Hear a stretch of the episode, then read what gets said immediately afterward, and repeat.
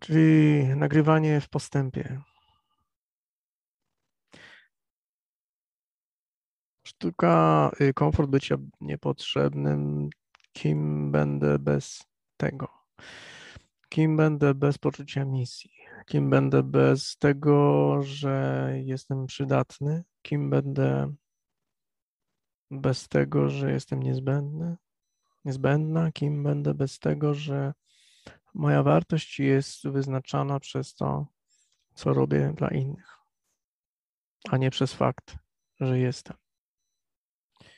Czyli znów, w jaki sposób mogę zmienić to, że prawo do egzystencji opieram na tym, co robię dla innych,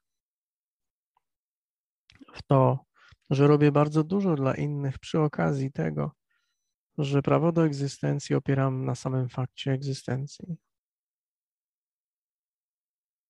Czyli ja mam w życiu tak, jak chcę, dzięki czemu moje otoczenie również teoretycznie jest to piękne i proste. Podobnie zresztą jak życie, które jest bardzo proste i bardzo nielogiczne jednocześnie. W związku z tym e,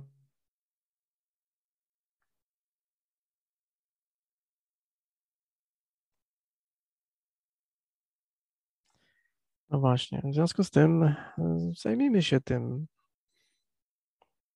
prawem do życia, które nie opiera się na niczym innym niż życie.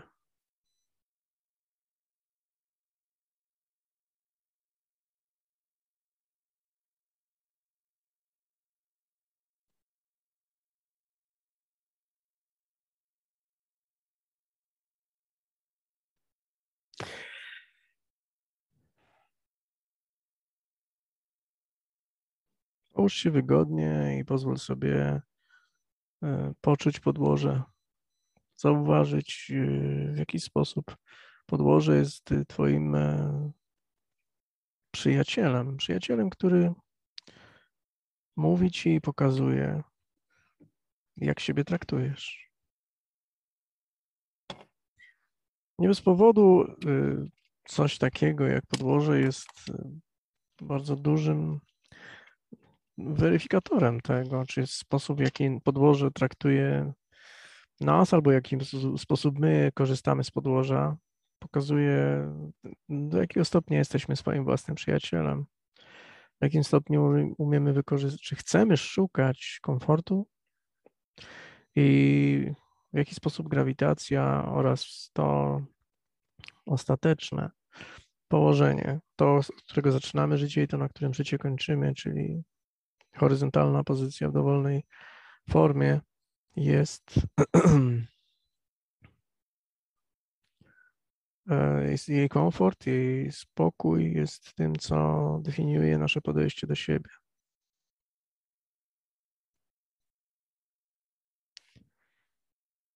Zobacz, y, tak jak wczoraj, w jaki sposób te kilka punktów, y, które pamiętasz, te pięć punktów, które pamiętasz? Jeżeli nie było cię wczoraj i nie słuchałeś, nie słuchałeś nagrania, to określ pięć punktów w twoim ciele, pierwsze na chybił trafi, które stykają się z podłożem i pozwól im, tym punktom, się skomunikować. Być może są to łopatki, tylna część miednicy, pięty, łokcie, potylica. I pozwól tym częściom pomachać jednym do drugiego, na przykład poruszając jednym punktem stykowym z podłożem, sygnalizując całej reszcie, hej, hej, tutaj jestem koledzy. Poruszając trochę łopatkami, którym być może stykają się z podłożem, pomachaj do reszty, mówiąc hello, Zobacz, w jaki sposób pozostałe części ciebie obudzą się jak psy w stadzie i mówią: Hej, my też tu jesteśmy.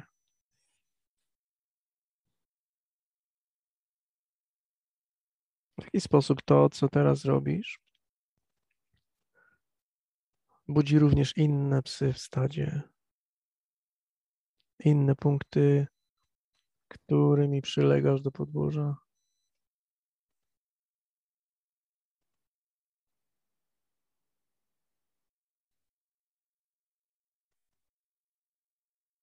Które psy nie leżą? Które psy są wciąż czujne?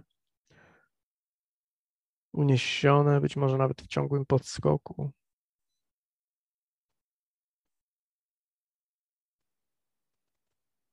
Nic z tym na razie nie rób, ale pozwól, aby te wszystkie punkty, które stykają się z podłożem, po prostu pomachały do tych uniesionych, może trochę napiętych miejsc, mówiąc: Popatrz, my tutaj jesteśmy.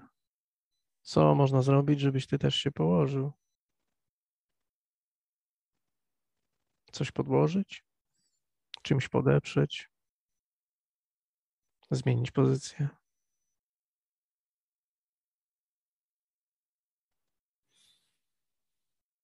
Obserwując, w jaki sposób Twój oddech jest teraz taki, jaki jest, ponieważ tyle, a nie innych punktów stykowych z podłożem się przemieszcza.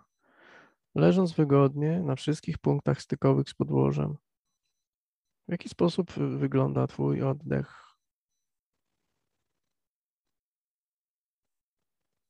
W którym miejscu Twoje żebra się rozszerzają, a w którym się kompresują i nachodzą na siebie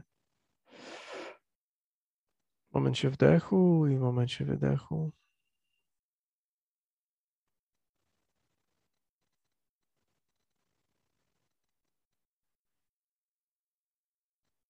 I odpocznij od myślenia o tym, po prostu pozwól, aby wszystkie te psy w stadzie, czyli punkty styku z podłożem, mogły spokojnie odpocząć. Złożyć łby, położyć się.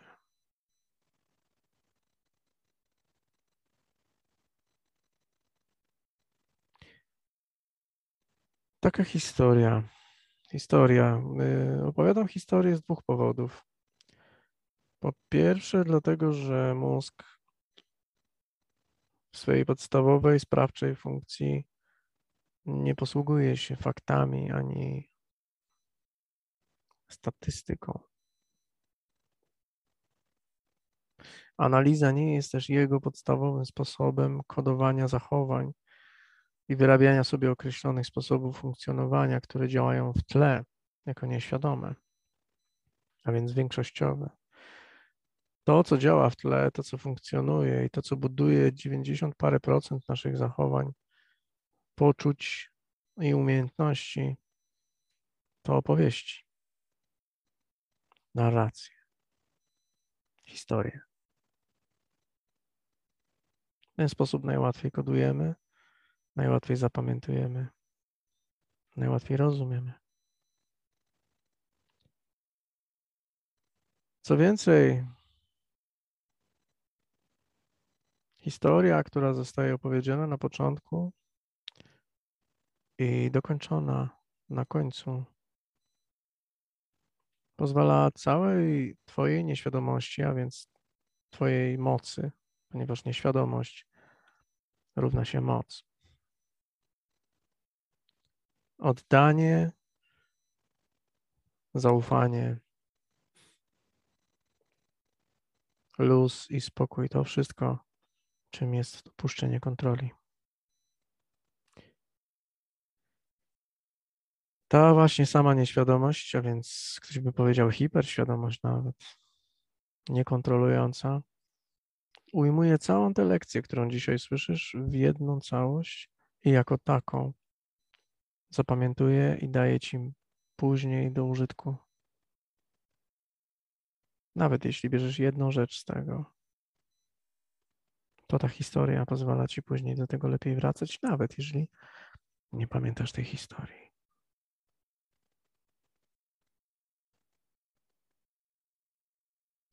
Pewien samotny ojciec wychowywał dwójkę dzieci.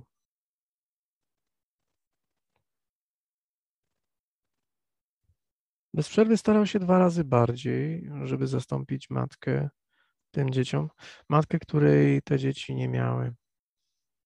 Ta historia oparta jest na pewnej rzeczywistej opowieści, rzeczywistym ciągu zdarzeń, rzeczywistym życiorysie. Ten ojciec zrezygnował z wielu inicjatyw i form rozwoju osobistego, żeby nie narażać rodziny na możliwość porażki, na jej konsekwencje. Miał za sobą kilka nieudanych związków i był już zmęczony, nie chciał się z nikim wiązać. Osiągnął też kryzys sensu całej pracy i trybu życia, który prowadził. Bycia ojcem i matką jednocześnie. Stało się to wtedy, kiedy jego dzieci wydoroślały i wyprowadziły się z domu, założyły swoje rodziny. Ten kryzys pojawił się wtedy. Wizyty dzieci witał z radością, ale i z pewnym zmęczeniem. Zwłaszcza gdy zostawiały mu wnuki albo przyjeżdżały po prostu ponarzekać na swoje problemy. Nie wiedział, co innego mógłby robić w życiu. Próbował nawet kilka szaleństw, na przykład e, skoków spadochronowych, czy e, jakichś dziwnych kursów medytacji. Nie czuł się w nich tak, jak się tego spodziewał.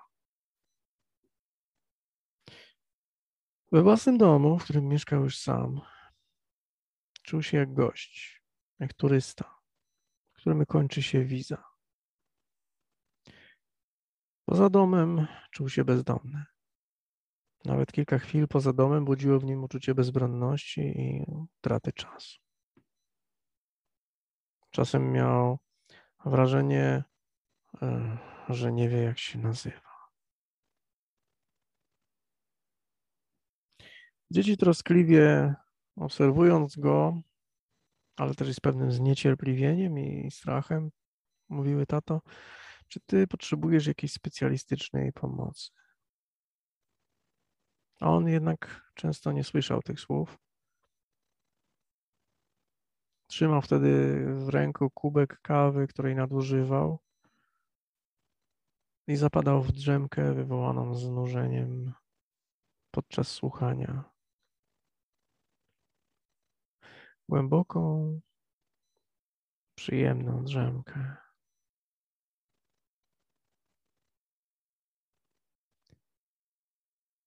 Miejsce, w którym zawsze było nic do zrobienia.